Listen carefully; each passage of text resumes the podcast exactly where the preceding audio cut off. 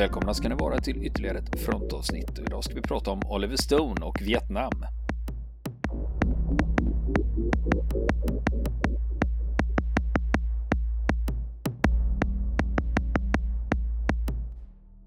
Ja Niklas, nu har det blivit dags för tredje och sista delen om vad Oliver Stone hade för sig i Vietnam. Just det. Så jag har ju berättat om hans tjänstgöring både i 25 infanteridivisionen och sen då när han kom till First Air Cavalry Airborne. Eh, och berättat lite vad han hade för sig, de striderna han var inblandad i och så. Ja, det var ju en del man känner igen som du sa från filmerna. Ja, eh, jo precis, så den filmen har jag ju sett några gånger så det är roligt att veta vad som är sant och vad som inte är sant så att säga. Sen finns det ju det här med eh, Barnes och Elias. De tjänstgjorde egentligen i verkligheten i olika förband. Men när han då skulle skapa filmen så tänkte han hur ska det då vara om de här två alfahannarna var i samma pluton? Det kommer ju att bli något va. Så att eh, mm. eh, så var det. Och Barnes han eh, överlevde ju Vietnam. Eh, medan Elias gjorde ju faktiskt inte det. Just det. Så att, eh, men i filmen så, ja vi ska inte spoila för mycket, ni får väl se den. Jag ska nämna plutonen lite mera sen faktiskt. Mm. Men eh, nu ska vi prata lite om Oliver Stone utifrån det här, hans lärdomar från, från Vietnam, vad han liksom hade med sig för åsikter. Han skriver en hel del om det i sin eh, självbiografi Chasing the Light. För en sak som han reagerade mycket på under själva kriget, men även efter kriget, det var att den officiella bilden inte stämde överens med verkligheten. Det var något han retade sig på. Han tar det här exemplet med friendly fire, det vill säga när man blir utsatt eh, för eld av egna trupper.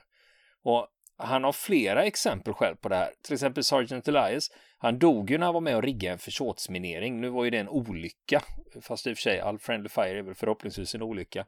Men han Stone berättar också om ytterligare amerikaner som strök med flyganfall, artilleri, det var handgranater och finkalibrig eld. Ofta då i närstrider i djungeln när man bara sköt liksom och hade dålig koll på vad de egna trupperna var. Och han nämner också att en del soldater som inte var så jävla begåvade, de till och med vände Claymore-minor åt fel håll.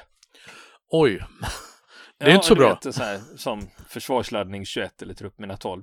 Och det här är ju också eh, på de amerikanska, det står det ju ganska tydligt front towards enemy. Eh, och de kunde inte läsa alltså? Nej, men de var ju också lite välvda så man kunde känna där. Men för jag tänkte nämligen på det, men fan, säg att man sätter upp dem i mörker och hur vet man att man får dem åt rätt håll? Jo, eh, det är så att texten är relief. Det går ju att känna på vilken sida som är fram och vilken som är bak. Så inte ens den ursäkten fungerar utan då är man bara korkad. Och Stone fortsätter prata om det här just med Friendly Fire och han har kollat upp att han har kommit fram till vad han, de siffrorna han har sett i alla fall. Jag har inga belägg för att de här stämmer eller inte, men Stone påstår att 15 procent av amerikanska soldater som skadades eller dödades i Vietnam, det var Friendly Fire. Och han tror dessutom det är ännu mer. Eh, och eh, om man ska hålla sig till hans siffror, då betyder det att 9000 amerikanska soldater stupade av Friendly Fire. Och eh, det här är ju något som han har funderat mycket på. Det dyker också upp i den filmen eh, han gjorde sen då, född den 4 juli. Det handlar om Vietnamveteranen Ron Kovic. Eh, han, Ron Kovic brottas ju med den här sanningen att han faktiskt själv sköt ihjäl en annan amerikansk soldat. Och nu är det så Ron Kovic, han finns ju på riktigt och har skrivit en bok om sina upplevelser. Det är ju därifrån det kommer, så det är ingenting som Stone har hittat på. Men Stone hade faktiskt egna erfarenheter av Friendly Fire. Eh, han blir ju sårad i halsen. Och det skedde under ett nattanfall. Och han är inte säker på det här, men han säger att han är 75% säker att det här var en sergeant som var med i gruppen där ute. Att den här sergeanten kastade en handgranat för kort och det var den därifrån ett splitter kom som träffade Stone i halsen. Så det är så han, han är ganska övertygad om att det är så det har gått till, men han är liksom inte hundra på det. Va? Och om man faktiskt tittar på plutonen igen så ser man just under det här nattanfallet så är det faktiskt en soldat som kastar en handgranat för kort och som sårar egen trupp då. Och det är ju en sak det här med friendly fire. En annan sak som Stone tar upp, det är, det är det här med civila som dödas. Och då pratar han såklart om eh, bomber och napalm, men även finkalibrig eld. Och så tar han också upp det här med Song My. Det var ju mars 1968. Då var ju faktiskt Stone in country så att säga. Men han säger att eh, inställningen blev sämre mot civilbefolkningen sen. Så det var inte det där att Song My hände och sen avslöjades det eh, ganska lång tid efteråt i och för sig. Men han säger att förhållningen till invånarna blev sämre.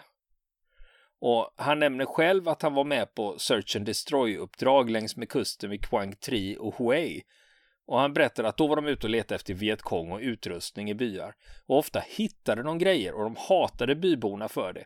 Men samtidigt så visste han ju att det är ju Vietkong som pressar dem att gömma grejer. Så det är inte det att de kanske nödvändigtvis vill hjälpa Vietkong, utan de är tvungna.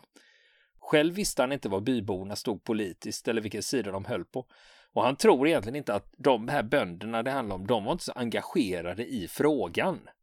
Utan de försökte bara överleva precis som de amerikanska soldaterna så att de sket väl egentligen vem som bestämde borta i Saigon.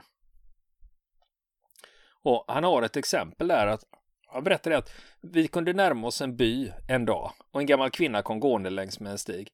Och en basse som var på dåligt humör ropade Hörru du, kom hit! Så kanske hörde honom, kanske inte, eller så var hon för rädd för att vända sig om. Hon tar några steg till och soldaten lyfter sin M16. Pang, pang, pang! Och ingen ställer några frågor om vad som har hänt. Och det var ju det att hon stannade inte när soldaten sa till henne. Och soldaten här hade kanske inte gjort det om det fanns en officer eller en auktoritär sergeant i närheten. Men visst fan hände sånt. Och han berättar också att en gång var han själv nära att kliva över gränsen. Det var jättevarmt och han var bra less på att ha med bybor att göra. Han tyckte de gnällde, klagade, ljög och hade sig. En gammal envis bonde började gapa på Stone och då brister det för honom. Han börjar skjuta runt bondens fötter och skrika Shut up and dance motherfucker, dance! Och Stone skriver att han bara ville döda honom. Och om han hade gjort det så hade han dessutom kommit undan med det. För det var så när de var ute eh, på de här Search and Destroy uppdragen så var byarna ofta, husen var ofta utspridda i byarna så att de jobbade ofta två eller tre soldater ihop. Så det fanns inte så mycket vittnen om de begick överträdelser och mördade bybor eller betedde sig illa mot dem. Eh, I det här fallet, det som Stone gjorde där när han eh, blev förbannad, han eh, lät bonden leva. Men det var, han skriver själv att det var jättenära att han helt enkelt sköt ihjäl honom. Och i en annan by då kliver han emellan när tre soldater trakasserar två tonårstjejer och det, börjar, och det hade börjat urarta så det kunde blivit våldtäkt. Men Stone kliver in och avbryter det där och då skaffar han sig fiender i plutonen på det viset. Och sen var det en 18-årig kille i Stones grupp som skryter för de andra att han dödade en gammal kvinna genom att slå in skallen på henne med kolven på sin M16 och sen brände han ner hyddan för att bli av med bevisen. Och Stone själv vet inte om den här 18-åringen skröt om det bara för att liksom impa på de andra eller om det faktiskt hade hänt. För det kunde lika gärna ha hänt för sådana saker hände. Och Stone nu i efterhand så tycker han att de amerikanska soldaterna betedde sig som mobbare eller översittare som knuffade och slog befolkningen när de kom in i byarna. Och Stone retar ju sig på två lögner här. Va? Det är friendly fire och sen är det dödandet och beteendet mot civila. Med den tredje lögnen och säga att man vinner kriget när man faktiskt förlorar. Det var det värsta. Och Stone retar sig på inkompetensen hos ledningen. För innan Tet-offensiven så hade de hittat ledtrådar på att något stort var på gång, men ledningen ignorerar det. De rapporterar in om truppförflyttningar, att de hittar materiel och sådana saker som allting indikerar att nu är det något på gång. Va? Men man sket i det upp på ledningen. Han säger också att det var uppblåsta egon och en övertro på sin egen förmåga som gjorde att de förlorade kriget. Och det är också en sån sak som Vietnamveteraner ofta behöver hantera efter kriget, liksom. När det inte var ett... Eh, alltså hur rättfärdigar man det här kriget för sig själv? Skillnaden är The Greatest Generation som besegrade ondskan och sen kom hem som hjältar med en i en ticket tape parade. Det är ju en sak, va? men här var det ju ett Eh, det var laddat kring Vietnamkriget efteråt. Och han hade ju, skulle ju tjänstgöra 15 månader i Vietnam. Och han muckar därifrån i november 1968. Då hamnar han i Fort Lewis i Washington uppe på västkusten och där mönstras han ut. Och han åker ner till Kalifornien, han dricker, röker marijuana och tar LSD i San Francisco. Han fortsätter söderut till Los Angeles. Sen fortsätter han söderut ner till Tijuana, det är ju i Mexiko då. Men på fyllan i Tijuana en natt så bestämmer han sig för att ta sig tillbaka till USA. Så han går i Tijuana och San Diego ligger ju precis på varsin sida gränsen så det är inga avstånd där. Då. Utan han går iväg mot gränsen utan att tänka på att han fortfarande har lite mer än 50 gram vietnamesisk marijuana i fickan. Och visst fan åker han fast i amerikanska tullen. Han hamnar i häktet i San Diego misstänkt för narkotikasmuggling. Och de här 50 grammen, det är alltså så mycket att han riskerar 5 till 20 års fängelse. Och han ringer sin pappa och ber om hjälp. Och den här upplevelsen i häktet i San Diego, det var ganska skakande för honom. För det var också något han kunde använda sig av senare, för han skrev ett manus sen som heter Midnight Express om en ung amerikansk kille som åker fast för knarksmuggling i Turkiet. Så att eh, då kunde han omsätta lite av det han hade lärt sig i häktet i San Diego då, när han skulle skriva det manuset. Men nu har vi ju det här med vad fan ska han göra nu? Riskera mellan 5 till 20 års fängelse. Och han är ju inte gammal heller. Va? Det är klart som fan han är orolig. Så vad ska han göra? Jo, han ringer sin pappa. För hans pappa har ju pengar och hans pengar fixar fram en duktig advokat och genom lite arbete där bakom kulisserna så avskrivs åtalet helt och hållet. Och Stone är fri igen. Och nu sticker han till New York. Han har fortfarande idéer om att han vill skriva, men han har gett upp det här om romaner. Istället så tänker han, men det här med filmmanus, det kanske kan vara något. Eller bli skådis. Han tar några kurser i skådespeleri, men han inser ganska fort att det går inget vidare. Men en polare tipsar honom om en filmutbildning på NYU, alltså New York University. Och nu är det ju så att Stone, han har ju tjänstgjort i armén här nu. Då omfattas han av GI Bill. Så, och genom GI Bill så då betalar de 80 procent av skolgift, skolavgiften. Så han tänker, varför inte? Och eh, han börjar läsa filmutbildningen där. Han gillar utbildningen. De kollar mycket på film och så gör de egna. Och han har en ung lärare som betyder väldigt mycket för honom. Den här unge läraren är 25 år, men produktiv och duktig och han är från New York och han heter Martin Scorsese. Jaha. Så, så Oliver Stone hade Scorsese som lärare på universitetet. Världen är liten. Mm. Ja, precis. Eh, men sen, sen rullar ju karriären på då med lite manus och sådana grejer. Men 1974, då debuterar han som regissör. B-skräckisen heter Seizure, alltså anfall. Men eh, den har jag inte sett och eh, det första, var första gången jag överhuvudtaget hörde talas om den här filmen. Och ska man se den ska man nog göra det bara för att man är nyfiken. Men det som framförallt rullar på för Stones del, det är manusen som han skriver. Vi hade ju Midnight Express som jag nämnde förut om en ung amerikan som hamnar i turkiskt fängelse. Eh, den blir ju film, Alan Parker var det som regisserade den. Och sen har vi också en liten överraskning här vad Stone har skrivit manus till. Konan, Barbaren med Schwarzenegger i huvudrollen. Det är Oliver Stone som skrivit manus till den. Eh, det kanske han inte är så stolt över, det vet jag inte. Men han har också skrivit eh, manus till Scarface. Say hello to my little friend. och den är ju inte dålig, det är Brian mm. De Palma som har gjort den, det är en riktig klassiker. Mm. Och så det här rullar på med liksom manus och filmer. Men 1986, då gör han, då släpps två filmer från Oliver Stone. Det är Salvador och så är det Plutonen. Och den här med Plutonen, det var ju så att eh, Oliver Stone hade haft idéer länge om att fan jag måste göra något på det här med Vietnam och liksom berätta hur det, eh, liksom ur, ur en eh, vanlig soldats upplevelser ur den vinkeln. Han tyckte han hade tillräckligt mycket både från 25 infanteridivisionen och First First Air Cav då så att han kunde liksom sätta ihop det här. Så han tog sina erfarenheter, fick ner det i manus och sen bobba om lite och sen försökte han då sälja in det här. Och han trodde väl inte riktigt, det här med Vietnam var ju fortfarande laddat, det här är ju 1986, kriget slutade 1975. Och det här med det amerikanska medvetandet har ju inte riktigt bearbetat det här med Vietnam ännu. Så han trodde knappast att någon filmstudio skulle nappa. Eh, men han sticker ändå till Los Angeles och ska försöka sälja in det här då. Eh, hans pappa hade läst manuset och trodde inte på det. Och då frågar jag liksom, men varför tror du inte på den här filmen eller mitt manus liksom? Och pappan säger, ja, men det saknas ju hopp. Och Stone säger, men det var ju sanningen om vad som hände. Då säger hans pappa, men folk vill inte veta sanningen. sanningen. De, verkligheten är för jobbig. De går på bio för att slippa verkligheten och sanningen. De vill bli underhållna. Men Stone tror ändå på sitt manus och tycker att man fan, det är en bra story, det är en bra, det kommer att bli en bra film.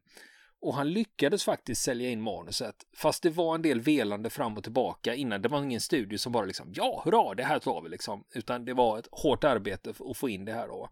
Och den här filmen, den filmades ju i Filippinerna, precis som Apocalypse Now. Och eh, i en del filmproduktioner så kan man få lite draghjälp av amerikanska militären. Det vill säga att de hyr, hyr ut utrustning eller lånar ut utrustning eller manskap.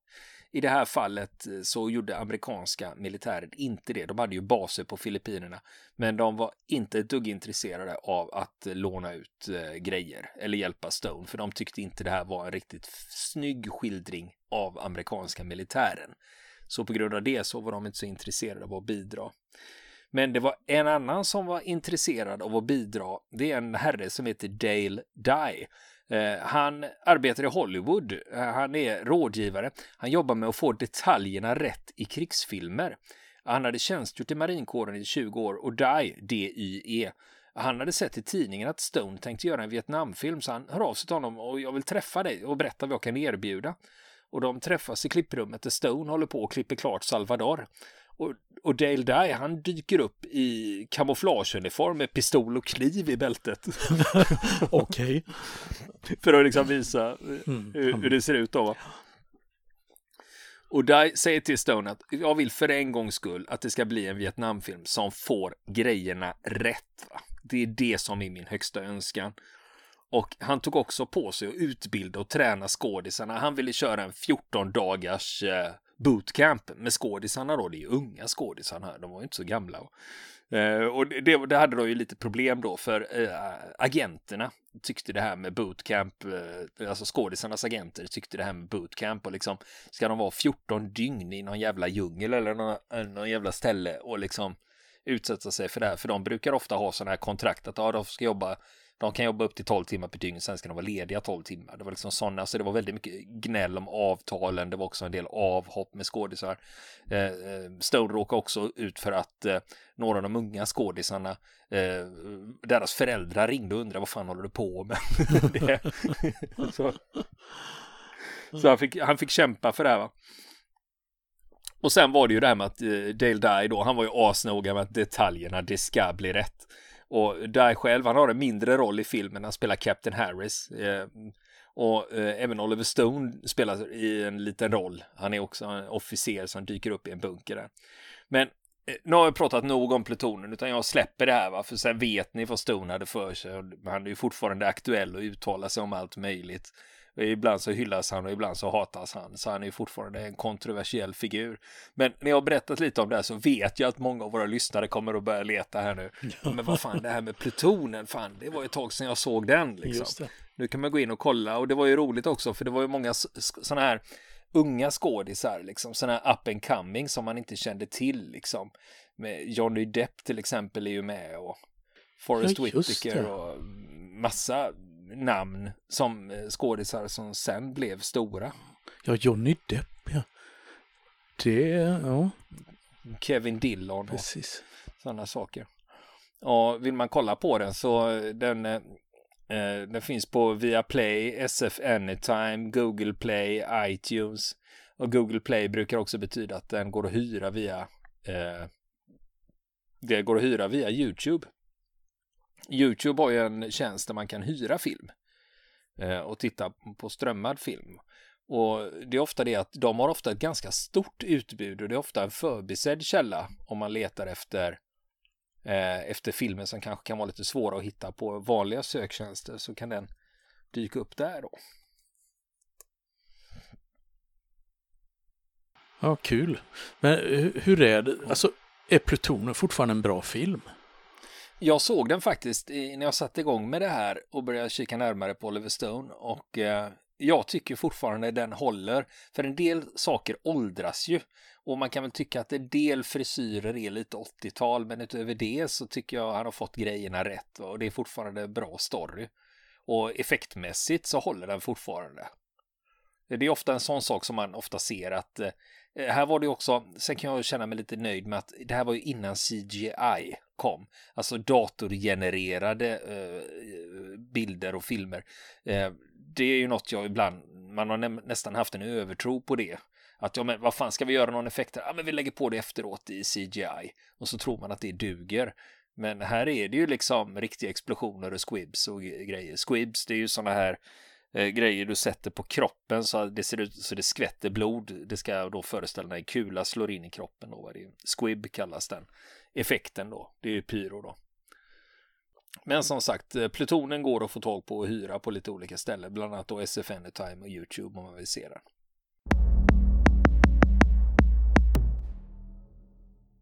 Från Vietnamkriget ska vi förflytta oss till dagens Sverige, eller dagens och dagens.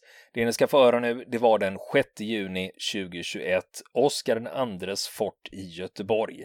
För på nationaldagen så skjuter de salut med bägge sina 24 centimeters pjäser och det hör inte till vanligheterna. Den första vi hör tala här, det är divisionschefen Claes Tillander. Vi ska spela Sveriges nationalsång eftersom det är 6 juni. Och därefter så firar vi riktigt av kungen här, för då kommer vi skjuta de här två 24 och då vi skjuter med den norra pjäsen först, det vill säga det är den pjäsen som är närmast hamnen just nu. Det kommer vara en liten tidsmellanrum mellan de två skotten. Och därefter när vi upplöser det här sen så får ni vara kvar, vi stänger ju 17. Men då är det så att vi vill att alla, när vi lämnar fortet sen, går över bron och ner för backen. Så att vi inte får några ansamlingar nere i gångarna. Det är helt coronaanpassad avfärd härifrån sen. Men eftersom ni inte nu kommer undan nu heller, utan jag är här, så kan vi väl titta på en annan liten grej som kan vara intressant. Alltså det är namnförvirringar som är, eller förvirringar. Det är ju så att det här fortet heter Oskar IIs fort och vi är den största enheten i Älvsborgs fästning. Och då, om ni är göteborgare så tittar ni åt höger, eller ni som står på andra sidan av mig här, tittar ju rakt fram, så ser ni Nya Älvsborgs fästning. Men lägg märke till att den heter Nya Älvsborgs fästning. Vi heter alltså Älvsborgs fästning. Det är ett, eh, titel som vi behöll under hela första och andra världskriget. Och då för att er om ni inte är bekanta så finns det tre Älvsborgs fästning i Göteborg. En vid brofästet till Älvsborgsbron, den heter Gamla Älvsborgs fästning och så har ni Nya Älvsborgs fästning som är framför er. Och så just nu befinner ni er på Oskar Anders fort som är största enheten i Oskar, äh, i eh, äh, Älvsborgs fästning. Så det, det, är lite knepigt med namnen här för det kan vara lite förvillande. Men om vi nu, eftersom jag har någon minut på mig där innan skott. Så är det ju så att om ni tittar på Älvsborgs fästning så ser ni ju att det är ett eh, torn och ett tak och så lite andra tak. Den fästningen, alla taken är lösa på fästningen. Det betyder ett krigsberett sånt fort, då pratar vi ju 1600-1700-tal, är alltså fredstak. Man lyfter av dem när man förväntas möta fienden. Det är därför ni inte ser några kanoner där. För det är alltså, de står ju precis under taken. Så det är alltså platt tak på Nya Älvsborgs fästning. Sen kan man ju säga då att om ni hade suttit på den här klippan som ni står på just nu och tittat rakt fram och det almanackan hade sagt att det är 1719 i juli månad så hade ni sett hela danska marinen framför er, för de grupperade nämligen för att anfalla Göteborg och framförallt Älvsborgs fästning. Så de låg grupperade här. Och då sköt de på fästningen och hade tur, eller svenskarna hade otur, så Johan Abraham Lilje som är befälhavare, han är från Älvsborgs regemente och utlånad dit tillsammans med två kompanier. Och eh, han skadas. Så han slås ut där i princip i första skottsalvan. Och då händer den märkliga tinget att Normalt sett så är det ju äldste i tjänst varande officer som tar över befälet. Men då råkar det vara så att det är två eh, oerfarna fänrikar från Älvsborgs regemente. Och sen är det två fientliga kompanier som är mer eller mindre fångar på fortet kan man säga. De är inte svenskar alltså. Och då skulle man lämna över till någon rutinerad och det kunde man ju inte. Man kunde inte lämna över det till en icke-svensk på fortet. Och då, för första gången i, i svensk militärhistoria då, och förmodligen den hittills enda, så är det så att Johan Abrahams Liljes fru är den som tar befälet. Det är första gången ett infanteriförband har letts av en kvinna i detta land. Och jag vet inte fasen om det inte är den enda som har gjort det också. Och det är 1719 och då leder hon striderna till framgång därför att eh, danskarna bestämmer sig för att det är ingen bra idé. Så de åker hem. Skälet är egentligen fantastiskt därför att det kommer en kille som heter Stall von Holstein inridande till Göteborg med en hop människor men inga kanoner. Och så vill han låna fyra kanoner av göteborgarna. För det är ju en fästning Göteborg, det är ju ingen stad. Men det får han inte. Men så blir det ett jädrans tjötande där. Och då får han köpa loss fyra kanoner. Så tar han sitt manskap och så drar han ut dem på andra sidan, alltså på his, Hisingesidan om fortet. Och så grupperar han dem. Och så börjar han skjuta på danskarna i sida. Och det tyckte de inte om. De blev lite desperata där. Och samtidigt så går det ut ett fartyg. Det fanns ett fartyg i Göteborg. Den hette Luren och var en galär. Ganska stor, men inte jätteimponerande. Och Luren bestämde sig, lite självsvåldigt kan man säga. Vi anfaller danska marinen med en galär. Här ute ligger ju typ 25-30 fartyg. Eh, och det gör de. Och då åker danskarna hem och så har de inte kommit tillbaka. Och så var sagan slut. Så går det när en kvinna leder ett militärt förband i Sverige. Success. Och de har inte kommit tillbaka någon gång. Ja, som turister då möjligtvis. Härligt att tänka på när, i den här debatterna som är nu. Men, kära vänner, vi har någon sekund kvar. Jag tycker att vi lever i ett fantastiskt land som dessutom har ett fantastiskt väder nästan alla dagar på året. Eh, ja, det var lite överdrivet. Jag tar tillbaka det. Jag, jag föreslår, mina vänner, eh, att vi, vi, vi ska faktiskt hurra för det här landet, för det är det värt. Vi ska hurra för det, vi ska hurra för Hans Majestät och vi ska hurra för att vi får bo i detta land. Mina damer och herrar, jag hoppas att ni förenar er. Jag ska inte skrika i micken då, för då kolar allting. Mina damer och herrar, jag föreslår ett fyrfaldigt leve för Sverige och dess VM. Hipp hipp! Hurra, hurra, hurra, hurra! Ni är helt fantastiska som publik. Det som eh, sambandsvagnen startar nu, det är... Känner ni igen den? Det är det vackraste som finns. Kan ni den? Låt höra.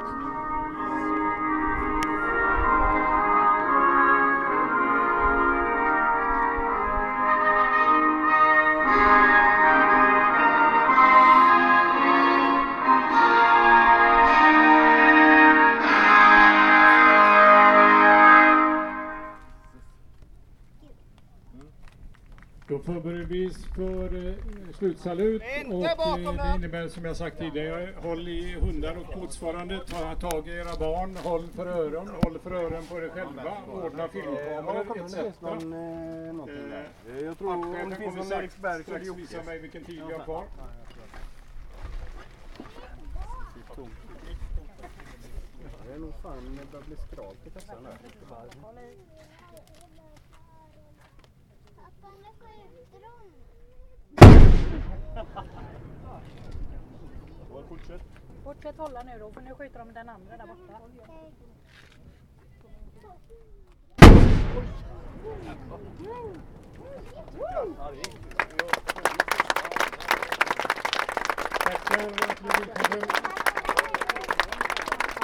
Ja, bägge skotten gick. Vi har varit med om världsrekord i salutskjutning eh, med hänsyn till kaliber och storlek. Kommer ni ihåg när jag att när ni lämnar fortet sen, så när ni bestämmer er för det, gå över bron och ner så vi slipper ha jättemöten i gångarna nere. Stanna gärna, vi stänger inte. Ha det så bra, tack ska ni ha.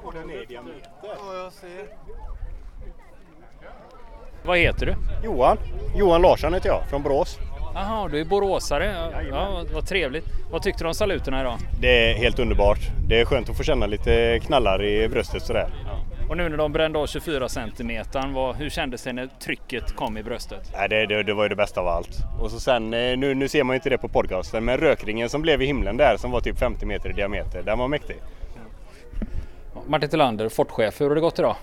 Mycket bra. Vi har haft eh, ett strålande vackert väder. Vi har haft eh, vindstilla i tre dagars förberedelser här så att det har varit helt fantastiskt.